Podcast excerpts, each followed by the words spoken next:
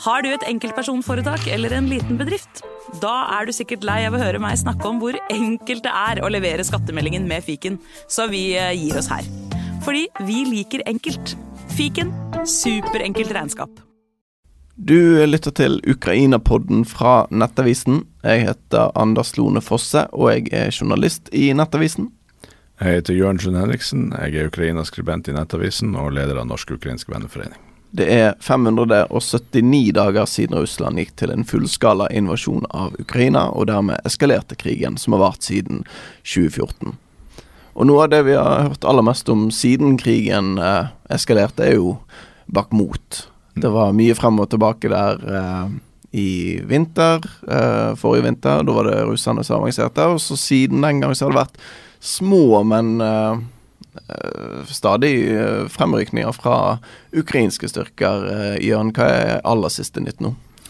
Aller siste nytt er at ukrainerne har fortsatt fremgang, særlig sør for Bakhmut, etter at de tok eh, Klisjivka og Andrivka. Eh, men det som er interessant, er jo at eh, i sin siste oppdatering så kommer Institute for the Study of War med den samme konklusjonen som vi har diskutert en, del tidligere her på, på podkasten. For eh, ukrainske ja, uh, Den ukrainske generalstaben og ukrainerne har fått kritikk i amerikanske medier for strategien sin. eh, for at de har brukt styrker i Bakhmut, som er i øst og lengre nord enn en hovedslagfeltet, hvis målet er å komme seg ned til Azovhavet i sør. særlig New York Times og Washington Post har jo hatt anonyme kilder i, i eh, amerikanske militære og i Pentagon som har kritisert det her. Men eh, Institute for the Study of War konkluderer med i sine analyser at Ukraina har lyktes med å binde opp store russiske styrker rundt Bakhmut, eh, og at det har vært hovedanliggende til ukrainerne her. og Dermed har de bundet opp styrker som ville vært veldig nyttig for russerne i sør, der Ukraina nå også har fremgang. Og i sør så er det også flere rapporter nå om at slagfeltet er mer flytende enn det har vært på lenge. Eh, men det gjør det jo også mye vanskeligere å, å, ha en veldig god formening om hva som foregår. Det er flere rapporter på at ukrainske styrker nå står inne, eller, i, eller helt nord i Novoprokopivka, eh, og at de også har kommet inn i Verbove. Eh, og det her er jo på Zaporizjzja-fronten i sør, i retning Tokmak der de også har flere steder kryssa den første forsvarslinja, eh, og på et par steder har kryssa den andre forsvarslinja. Så her eh, ligger det til rette for at det kan komme et gjennombrudd. Og det sier også eh, Institute for the Study of War at det, det, tyder på, det er mange ting som tyder på at russerne ikke har noe særlig reserve å sette inn lenger. Og De peker på tre forhold som må til for et gjennombrudd. Det ene er at russerne er fri for reserver, sånn at de ikke kan svare godt på et gjennombrudd. Det andre er, det har vi også snakket om tidligere, det at Ukraina må ha nok styrker igjen, at de må ha egne reserver for å kunne forsterke et gjennombrudd, sånn at de har mulighet til å fortsette. Og Det tredje som ligger til rette, og det jo, eh, vet vi ikke så mye om, det at russerne eh, forhåpentligvis ikke har hatt mulighet til å legge ut nye, store, brede minefelt som vil ytterligere forsinke ukrainske styrker. Men, men, to av de tre ser det ut til at eh, er i ukrainerne sin favør, og at det, eh, det er muligheter for at de kan få til et gjennombrudd. Så forresten også at ISW, som forkortelsen eh, er på dette Institute for the Study of War, var enig eh, med deg i en annen ting, og som vi har snakket om her tidligere, det er at offensiven trenger ikke stanse når vinteren kommer. Um, så det er også et, et, poeng. Det er i hvert fall veldig litt som tyder på at Russland har eh, fremgang. Um, I uh, helgen nå så intervjuet jeg Karen Anna Eggen, eh, doktorgradsstipendiat eh, ved Institutt for forsvarsstudier, er det vel. Og hun snakket jo For det, hovedtemaet der var forsvarsbudsjettet. Så nå mm. eh, Russland øker forsvarsbudsjettet noe markant. Og vi pratet litt om hvordan påvirker det den russiske befolkningen. Uh, og så tar det jo gjerne litt tid før man ser endringen på slagmarken. Altså fra et forsvarsbudsjett økes til, til man ser en utvikling på slagmarken. Men foreløpig er det, selv om ambisjonen til Putin og Russland fremdeles er å gå for Kiev, så er det lite som tyder på at det skjer med, med det aller første. Eggen sa jo dette med For hun, hun skrev et innlegg i Aftenposten i fjor sommer at målet til Russland For da, de hadde akkurat blitt slått tilbake fra, fra Kiev, da, og målet til Russland var da fremdeles å gå for Kiev. Og det sa hun til meg i helgen at det er det fremdeles. Og det, for det er både Putin har uh, ytret det i løpet av de siste månedene, uh, Medvedev har gjort det. Og uh, sånn, sånn som Eggen sa til meg, hun sa at de strategiske målsetningene med den krigen, altså politisk kontroll over Ukraina, dytte Nato vekk og opprette en ny europeisk sikkerhetsorden, det består.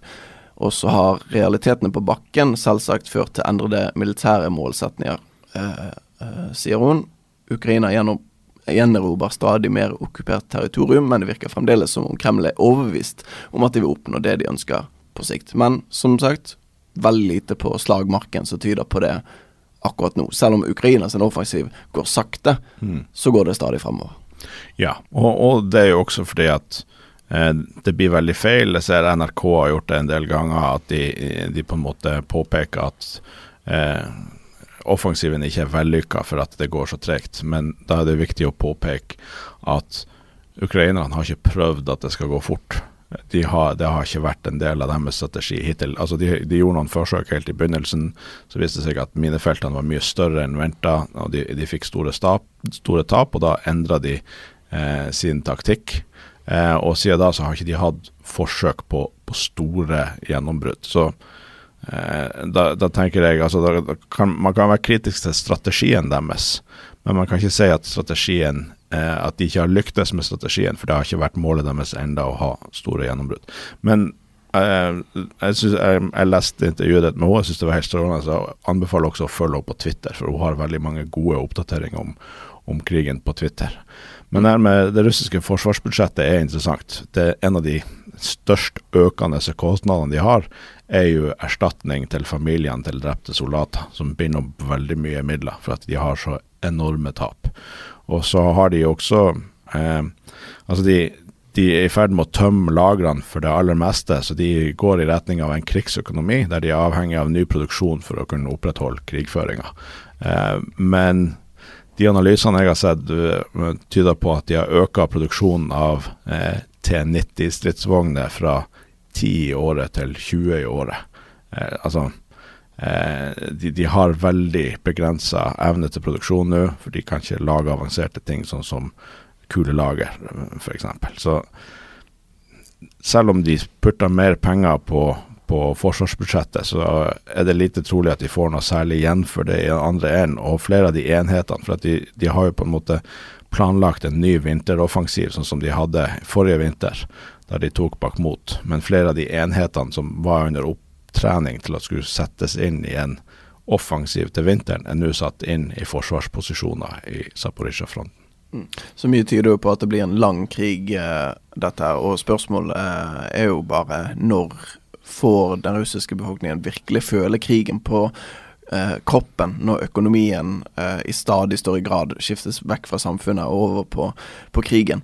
Men foreløpig, som eh, jeg har nevnt tidligere i denne podkasten, så viser eh, meningsmålingene fra dette uavhengige Levada-senteret at ingenting tyder på at eh, eh, Putin har mistet støtte i befolkningen. Etter at han gikk krig til Ukraina, så har den stabilt ligget på over 79 så, um, så vi får se hvordan det utvikler seg.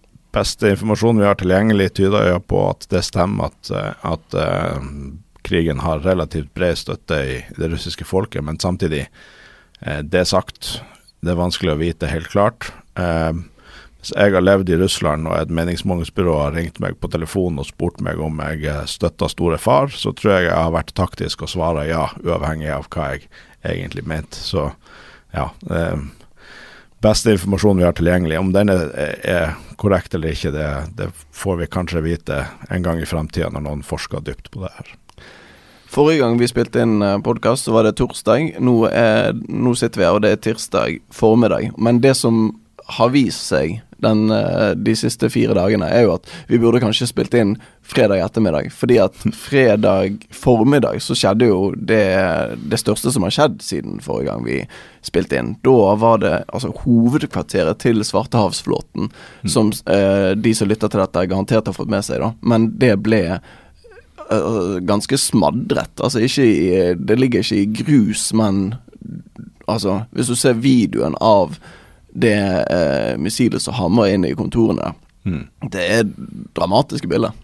Det er veldig dramatiske bilder, og det, det, er jo, det, er jo en del av det her. Det er jo de bildene man kan jo eh, Når jeg så den videoen første gang, så eh, Det første som slo meg, er hva tenker de her folkene som er ute og vandrer eh, og, og, og, ser det her skje foran øynene deres. De vet helt sikkert at det der er hovedkvarteret til Svartehavsflåten. Og var det det her de tenkte seg at krigen mot Ukraina skulle, skulle være da det starta for et og et halvt år siden.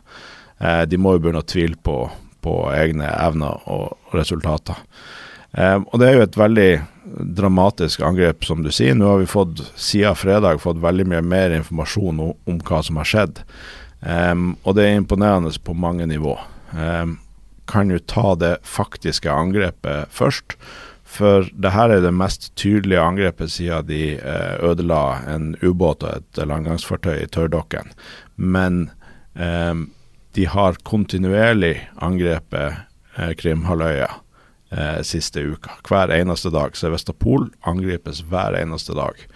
Eh, alle flyplassene på, på, Krim, der er vel seks militære flyplasser, samtlige blir angrepet. Eh, så det er en det, det, har skjedd et skifte. Det er helt tydelig at Ukraina systematisk svekker russerne sin evne til å drive krigføring på, på Krimhalvøya. Både radarstasjoner, flystasjoner, eh, troppeansamlinger, eh, logistikknutepunkt blir angrepet.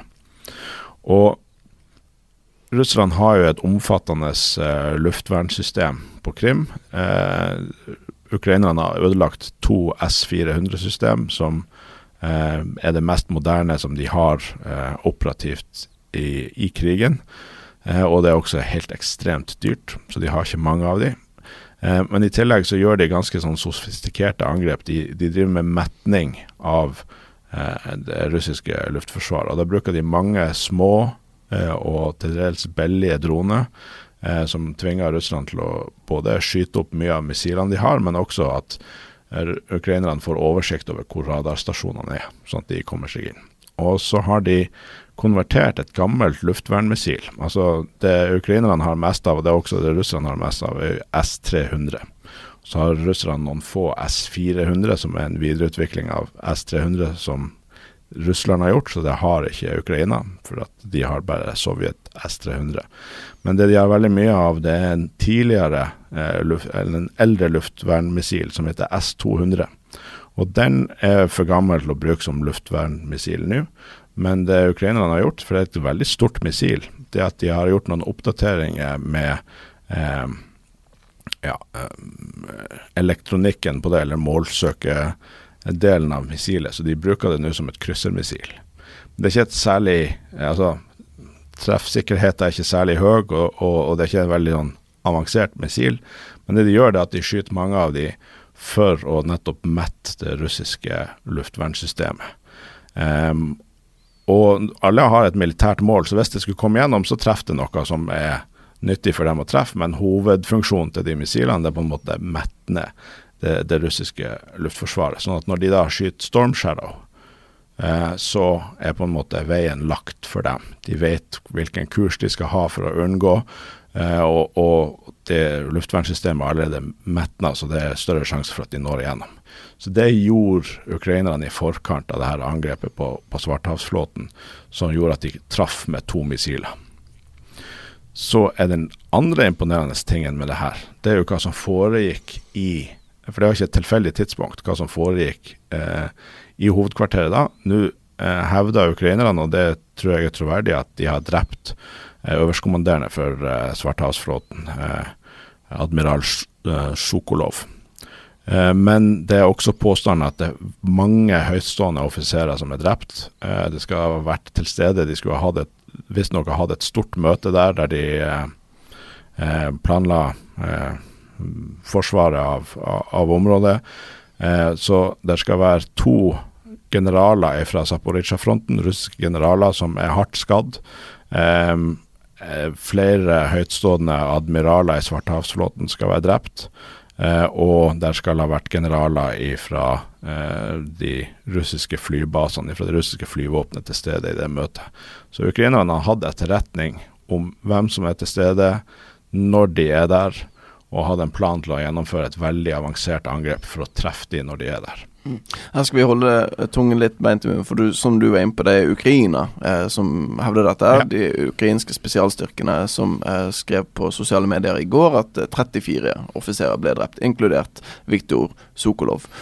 Og så har det jo Når, når den kom, så eh, Vi har sett disse ryktene i flere mm. dager, men det, mm. det har vært så eh, dårlige eh, kilder, eller kan vi si usikre kilder. Da. Ja. Ikke nødvendigvis dårlige, men man kan ikke stole 100% på det. Mm.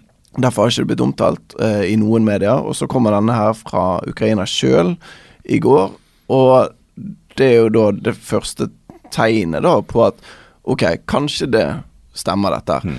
Og det andre tegnet på at kanskje dette stemmer, dette, er at nå har det gått nå, nå når vi sitter og spiller inn dette, i hvert fall, så har det gått ett døgn. Og Russland har hatt lang tid på seg, og de, de elsker å gjøre det òg. Du så det med Kadyrov når, mm. når, han ble meldt i koma og syk og alt sånt. der, Så gikk det to timer, og så var det en video som igjen Vi vet ikke om den var forhåndsinnspilt eller om mm. eh, den var tatt opp der og da, men en video av Kadyrov på Telegram som bare sånn åh, det er deilig å gå ut i, ja. eh, i regnet. Mm. Da, for, da tenker jeg mye klarere, og, og så videre. Nå har det gått et døgn. Det har ikke kommet én lyd fra Moskva som bekrefter eller avkrefter dette her, da. Og det kan jo tyde på at faktisk han eh, er, eh, er, død. Er drept i det angrepet, da.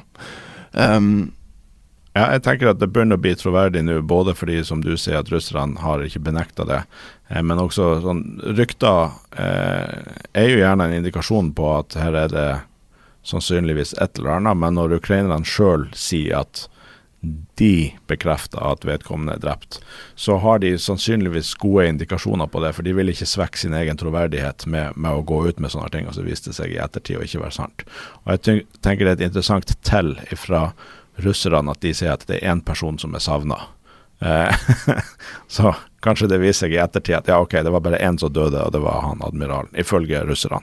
Men sannsynligvis er det jo riktig fra det ukrainerne sier, at det er veldig mange drepte og skadde. Hvis du ser det, det, det videoangrepet, så ser du at hvis du er i den etasjen, så sliter du. Ja. Det, han militærbloggeren, En ene prorussiske militærbloggeren som heter Rybar, som, har, som er en av de aller, aller største, 1,2 millioner følgere på Telegram, han hevdet jo at det var ingen i bygningen, unntatt det som han kalte for eh, tjenestepersonell, altså duty mm. Altså, jeg vet hva man skal oversette det til, det vet jeg ikke. Om det er tjenestepliktig eller vaskehjelp, eller det vet vi ikke. Men uh, han meldte jo det, at det var, det var kun de som var der.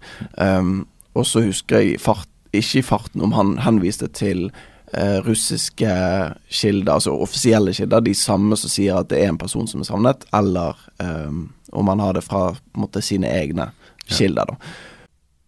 Hei, dette her er Anders i uh, Nettavisen som uh, avbryter uh, meg sjøl for å bare kunne si at det statlige russiske nyhetsbyrået RIA skriver nå tirsdag ettermiddag, et par timer etter at jeg og, og Jørn har spilt inn denne podkasten her, at Sokolov, han lever. Vi har ventet på denne avkreftelsen. Den kom nå.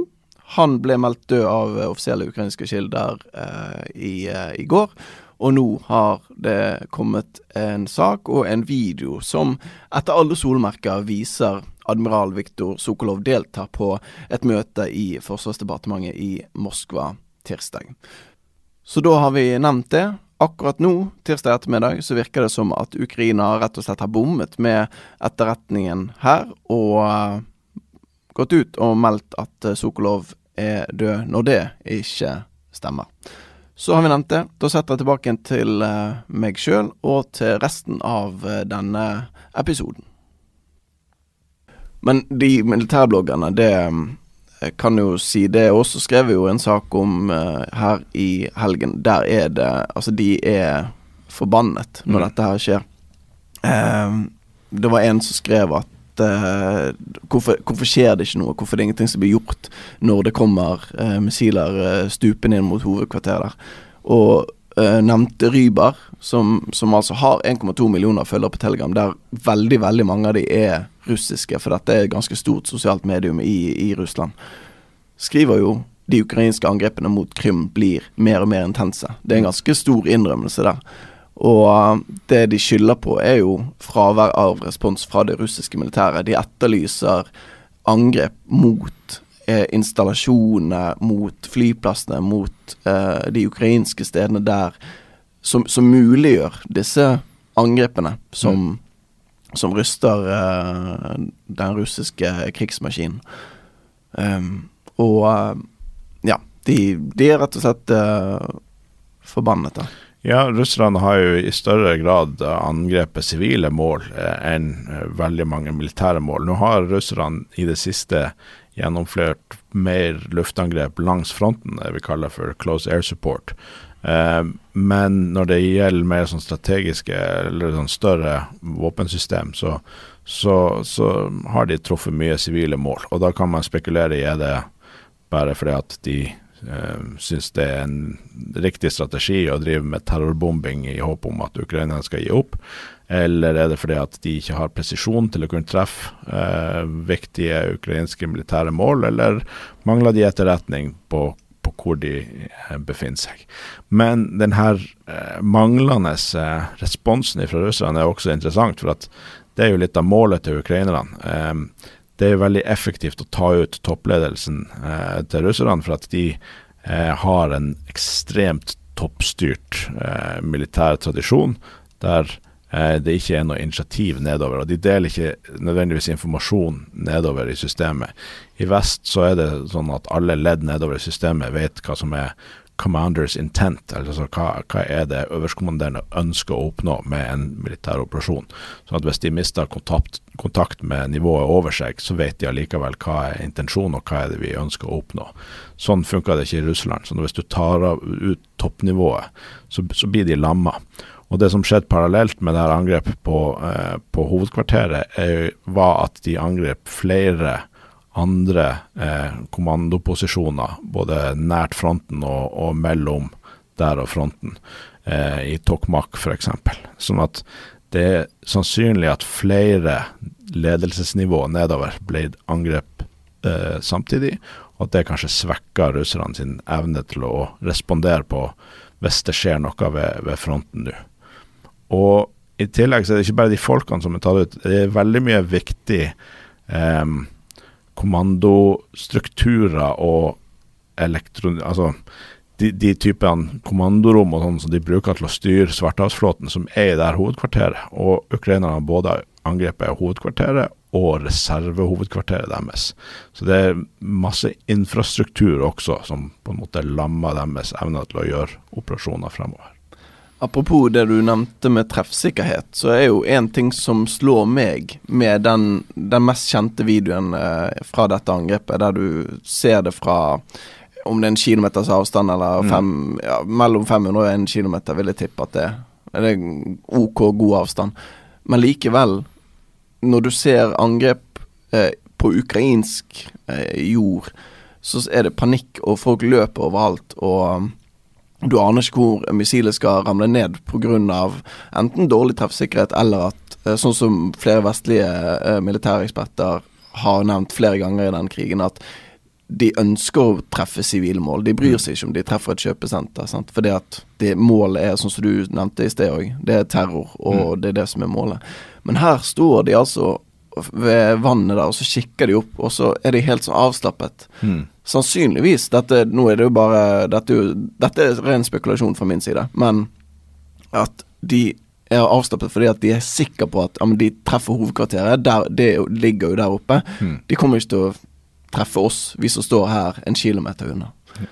Og um, nå vet vi jo altså Lokalbefolkningen der er jo litt delt, så vidt jeg har forstått. Det, det er vel nesten 50-50 med russere og med ukrainere, hvis jeg uh, har, husker riktig. Ja, ukrainere og krimtartarer ja. og, og, og, sånn også. Det har vært mye bilder i sosiale medier av Eh, ja, et som jeg syns var litt stilig, det er noen som tar bilder av det her angrepet, og så holder de handa foran seg med en lapp der det står eh, Krim med Ukraina. Eh, sånn at det er helt klart eh, mange eh, som, som, venta på å bli frigjort på, på Krimhalvøya, men, men russerne har jo og, det var jo mange ukrainere også som, som dro fra eh, halvøya da russerne tok det i 2014 og russerne har flytta inn mye russisk befolkning på halvøya. Eh, når det er sagt, selv om det ikke var tegn til panikk i den videoen når det her missilet slo ned i hovedkvarteret, så har vi hørt at det har vært trafikkork ut av Sevastopol etterpå. Så det er nok en del uh, russere som, som uh, ønsker seg bort fra Krimhalvøya akkurat nå. Mm. Siste fra dette angrepet her som jeg har lyst til å nevne, er jo også det med at Eh, noen av de militærbloggene reagerer på at lokalbefolkningen får filmet og delt videoer av det som tross alt er et ganske ydmykende angrep for um, altså på hovedkvarteret til Svartehavsflåten. Mm. Um, og som du skulle tro i hvert fall var godt beskyttet av uh, luftvern, men som viser seg at det var det ikke. Og um, ja, militærbloggeren Boris Roshin som skriver at uh, fienden uh, kan filme resultatet av angrepene fra alle vinkler. Og så omtaler han myndighetene og de militære i Sevastopol som impotente, skriver han. Så den eh, det, ja. ja, og russerne har på en måte slått ned på det her i det siste. Vi har hatt mye mindre bilder og videoer fra angrep som har blitt gjennomført, enn, enn det vi har sett tidligere. Um, og sånn sett var det jo interessant at etter noen dager så kom det ut bilder av hvordan den ubåten i, i tørrdokken så ut etter, etter den ble angrepet. Og uh, og det var ikke tatt fra avstand. Det var helt tydelig tatt bilder av noen som jobba der inne, eh, og som har eh, lekt de bildene. Men vi vet jo at det har vært angrep, som jeg nevnte, på alle de russiske flybasene på Krim. Men vi har ikke sett noen bilder derifra hva, hva som har vært resultatene av det. Men, men sannsynligvis så har jo russerne mista en del fly i, i de angrepene også. Det er noen modige sjeler som uh, tar videoer og, og, deler dem på den måten. Det går jo selvfølgelig an å sjekke satellittbilder både av ubåten og tørrdokken mm. og hovedkvarteret, og du ser tydelig at her er det um, svære ødeleggelser. Men det er noe annet med de der videoene, når du ja. får, får, sett de, altså. Så hvis du vil se den videoen for, for øvrig, hvis du ikke har gjort det, så kan du søke på uh, frustrerte russere og Nettavisen. Og hvis du googler det, så finner du den saken eh, om både militærbloggerne og du får sett videoen òg av eh, det angrepet som vi snakker om her. Mm. Og det kan jo bli flere missilangrep i, eh, i tiden som kommer, fordi at uh, Atacams mm. Det kom en melding også det på fredag, for øvrig, at dette er et våpen som Ukraina i lang tid har ønsket seg.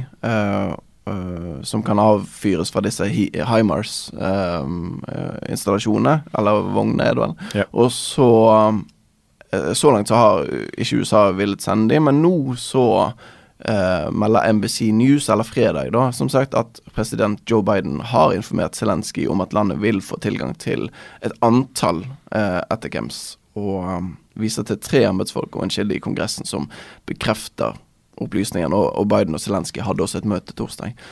Så det kan bli flere angrep av den typen her, rett og slett. Ja. Dette er et veldig nyttig våpensystem for ukrainerne å få. Eh, både fordi at det avfyres fra landjorda, så du slipper å eh, få i gang flyvåpenet og sette opp et, eh, et, tokt for å få avfyrt det, sånn som de må med Storm Shadow. Eh, men også fordi at det det krever veldig lite opplæring av ukrainerne å bruke det her for at de har, har HIMARS fra før.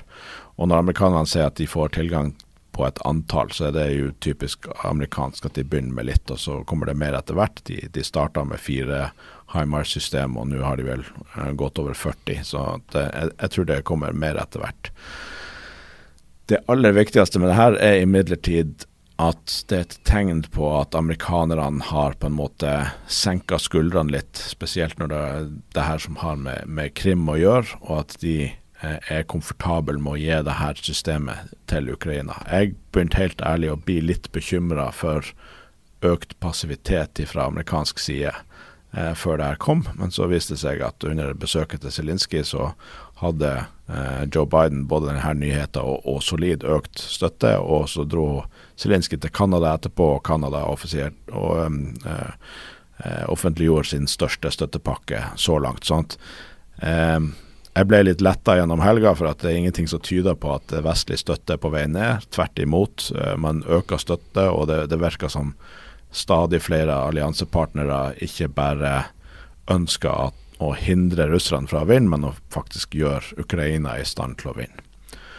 Og den versjonen av Ettercam som de får nå, det er ikke den mest langtrekkende på 300 km, men eh, en eh, clusterammunisjonversjon. Og det her er eh, en, eh, ja, en, versjon som ikke blir brukt til å rydde eh, skyttergraver og den type ting, men som er veldig egnet til å angripe f.eks. flyplasser. For hvis du angriper en, en russisk flyplass med f.eks. et Storm Shadow-missil eller lignende, så hvis du er heldig, så ødelegger du ett eller kanskje toppen to fly. Men med en sånn her type clusterammunisjon så kan du treffe en flyplass og kanskje ødelegge ti fly. Eh, og Det samme med å skyte mot et luftvernsystem. Hvis en sånn her missil treffer S-400, så vil det ødelegge hele systemet. Mens hvis f.eks. en hard missil eller droner kanskje tar ut eh, en launcher eller en radar eller noe sånt, så, så ødelegger det her hele området og hele, hele systemet. Sånn at eh, det er en veldig effektiv eh, kapasitet til å ta ut eh, Til å angripe eh, myke mål som ikke er pansra, og, og, for å ødelegge eh, hele systemet. Mm. Og dette uh, uh, er også noe som uh, russiske statlige medier faktisk omtaler, men da er det jo selvfølgelig med vinkling over at dette her er noe som Russland kan eh, kontre. Altså de kan skyte ned disse missilene, skriver RIA bl.a. Eh, men de skriver også at selvfølgelig utgjør ettercamps en fare for oss. Det forklarer militærekspert Aleksej Leonkov mm. overfor RIA.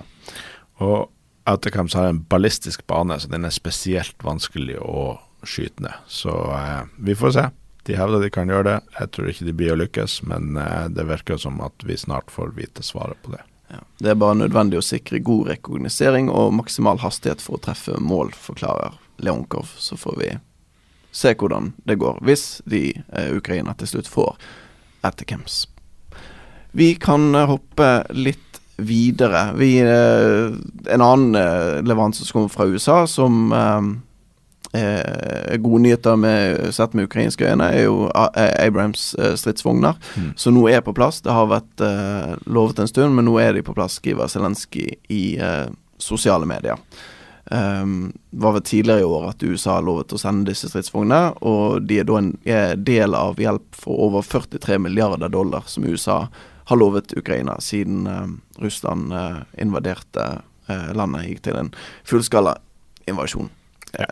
Kan du, du, si noe kort om disse stridsvognene her? Hva gjør de til og fra? De er sannsynligvis verdens beste stridsvogner, så det er klart en, en, en enormt bra kapasitet de har fått. Nå er det bare noen og 30, jeg tror det er 31 vogner de får. sånn at det er det er ikke et uh, veldig stort antall, så å si at det her har veldig stor innvirkning, uh, det, det, vil være å ta i. Men, men det er klart de, de får en, en, formasjon som kan være viktig å ha med gjennombrudd. De er også, siden, siden motoren i den basically en jetturbin, så er det spesielt raske vogner også, som jo også kan være um, nyttig å ha i et eventuelt uh, gjennombrudd. Så en video jeg faktisk så uh, i løpet av helga, var noe så sjeldent som Det er sjelden vi ser denne, denne krigen, en stridsvogn mot stridsvognkamp, der det var en ukrainsk T64 som angrep og ødela en russisk T90. Og T90 er det mest moderne stridsvogn russerne har satt inn i, i Ukraina, men de ble altså eh, tatt av en eh, Sovjet-æra T64, en ukrainsk oppgradert versjon av T64. Så det viser jo på en måte at du trenger ikke en Abrams for å ta ut en, en russisk stridsvogn. Eh, det, det, det, har de allerede, det de trenger for å gjøre, men, men det aller nyttigste med sånne her Abrams-vogner er jo at de gir veldig økt beskyttelse. sånn at de er nyttige å få til et gjennombrudd og forsterke et gjennombrudd. De kan ta økt risiko. Eh, så det er ikke først og fremst stridsvogn mot stridsvogn vi vil se de her, men jeg tror at de vil bli brukt som spydspiss i et eventuelt, eller kanskje til og med etter et ukrainsk gjennombrudd, for å forsterke det og trenge langt inn bak uh, russiske linjer. Så da har vi for så vidt eh, svart litt på litt av lytterspørsmålet til Svein Erik, som eh, spurte hvordan er fremdriften med leveranse av tanks og andre kampkjøretøy. Men han slenger også på hva er kommet, og hva mangler, ikke minst. Eh, hvis vi tar det siste først, hva er det Ukraina mangler eh, om dagen? Ja, Som vi har snakka om før, så mangler de jo det meste. fordi at i en sånn her krig så, så er Altså, utstyr slites ut, de trenger så enormt mye. sånn at det er en jevn strøm av stridsvogner som kommer fra vest. Det er en del eh, eh, altså Det har vært veldig mye fokus på Leopard 2, men de har også blitt laga veldig mange Leopard 1-stridsvogner. Um, og de settes i stand. Og så er det noen vogner som har blitt levert tilbake for at de var så utslitt fra opptrening av ukrainske styrker at de kunne ikke brukes i kamp, så nå er de, de satt til service for å settes i stand igjen.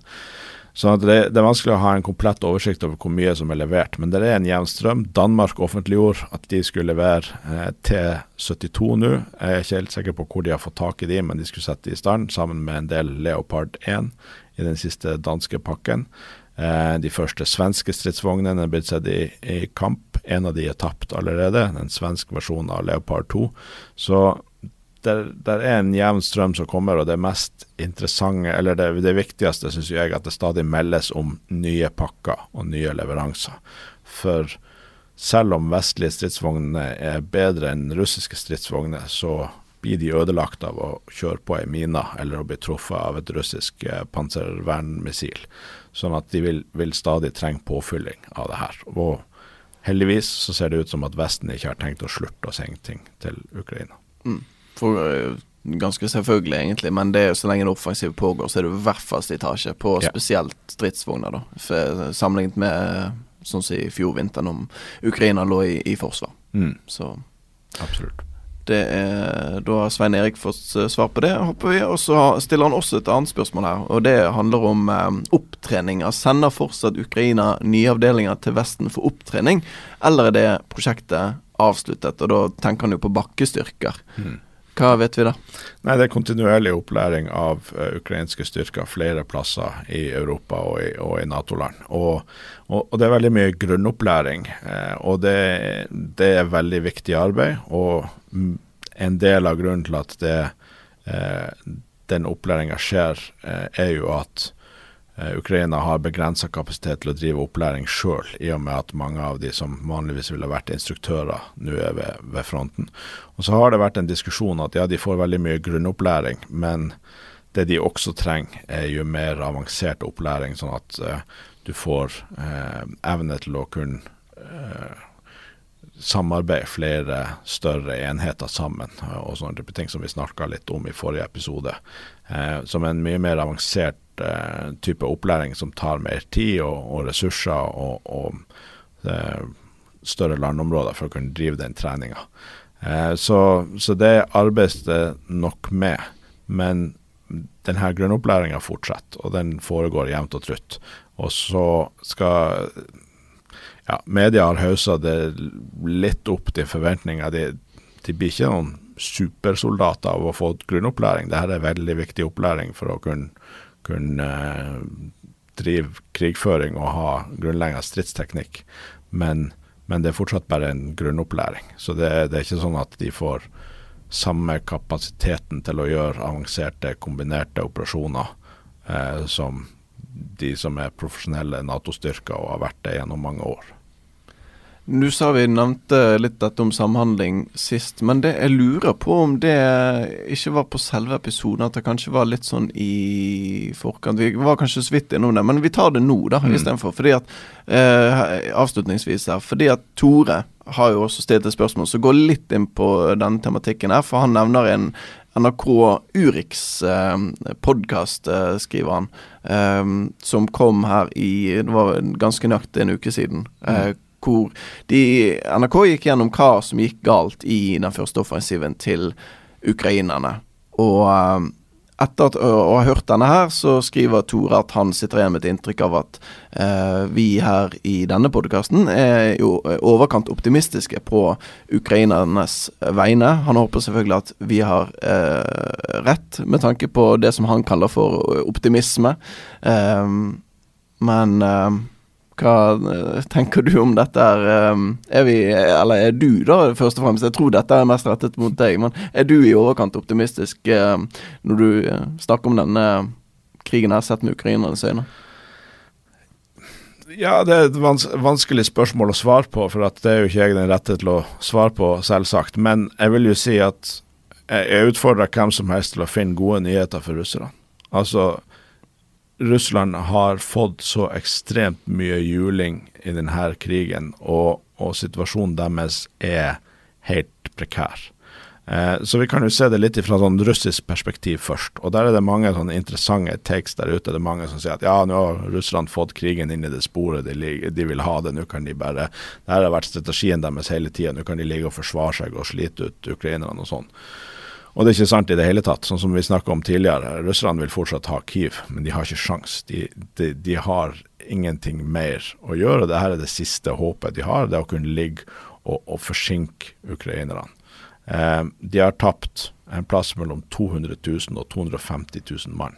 Det er et helt ekstremt tall. Eh, og, og, hvor mye trent personell har de igjen?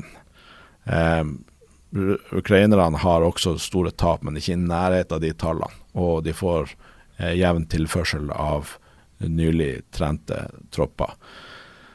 Så ja, altså Og den Urix-episoden, den hørte jeg òg på, og der syns jeg jo eh, NRK fra mitt perspektiv har helt feil tilnærming. De har liksom Ja, hva gjorde ukrainerne feil? Eh, og når du skal gjøre et angrep inn mot det største minefeltet som verden noensinne har sett, så er jo ikke det altså, gjør ikke det feil eller rett eller sånn. Det er bare rett og slett ekstremt vanskelig å trenge gjennom noe sånt. Og jeg syns han generalen, husker jeg ikke i farten navnet hans, som, som var med i den podkasten, han svarte veldig balansert og avmælt og godt. Mens innpakninga til NRK var ja, hva gikk galt for ukrainerne eh, i begynnelsen. Og jeg vil fortsatt påstå, og, og eh, folk som har mye mer peiling enn meg, sånn som eh, Institute for the Study of War, eh, mener jo også det at, at de har ikke gjort feil, de har bare tatt den tida som trengs for å kunne skape en situasjon der, der de kan lykkes. Og så vet vi jo ikke enda om de gjør det. Altså, det kan godt være at russerne lykkes med å stanse den ukrainske offensiven, og at de ikke klarer å få et gjennombrudd. Det får vi se. Men jeg syns at det er altfor tidlig å kritisere ukrainerne for at de ikke har hatt et gjennombrudd, for da har man ikke forstått den ukrainske strategien. Og noe av det som gikk galt i den offensiven med at de pøste på med stridsvogner og uh, ikke brydde seg om på si nærmest Det er jo også, Nå forenkler det veldig, da. Mm. Men at det ikke lå mine der, er jo også noe som vi har uh, snakket om i denne podkasten. Ja, og det, det, det minefeltet viste seg å være mye lengre enn de hadde trodd. Uh, og og de hadde prøvd å jobbe seg gjennom det i løpet av natta, og så hadde de ikke sjans, og så ble det dagslys, og så ble de angrepet og sånn. Men det er jo Ja, det, det gikk galt. Men det var egentlig bare én måte å finne ut om de kunne trenge gjennom det minefeltet, og det var å prøve. Um, sånn at uh, Ja, man, man, kan kritisere det, men, men, samtidig Mange av de kritiske røstene eh, kommer fra et utgangspunkt der man forstår krigføring ut ifra det amerikanerne har drevet på med i Afghanistan og Irak de siste 20 årene, som en helt annen form for krigføring mot en helt annen fiende enn det ukrainerne står overfor. Så jeg ville vært eh, beherska i min kritikk av ukrainerne. Jeg er optimist, for jeg syns de underliggende tingene, altså de, den ekstreme sofistikasjonen på de angrepene som, som ukrainerne har gjennomført i det siste, og underliggende eh, rapportene jeg ser fra russiske kilder òg om klaging på at de setter inn sanitetsfolk i skyttergraver og sånne type ting, så tyder det meste på Ukraina sin favør. Så vet vi ikke om de klarer å få til et gjennombrudd, men igjen, jeg, jeg utfordrer hvem som helst på å finne noen gode nyheter for russerne, eh, sånn som situasjonen er akkurat nå. Da uh, tror vi takker for i dag. Og så høres vi igjen uh, ved en senere anledning. Du kan lese alt om krigen i Ukraina på nettavisen.no. Og så er det her veldig gode lyttespørsmål, og vi tar gjerne imot flere på ukrainapodden at nettavisen.no.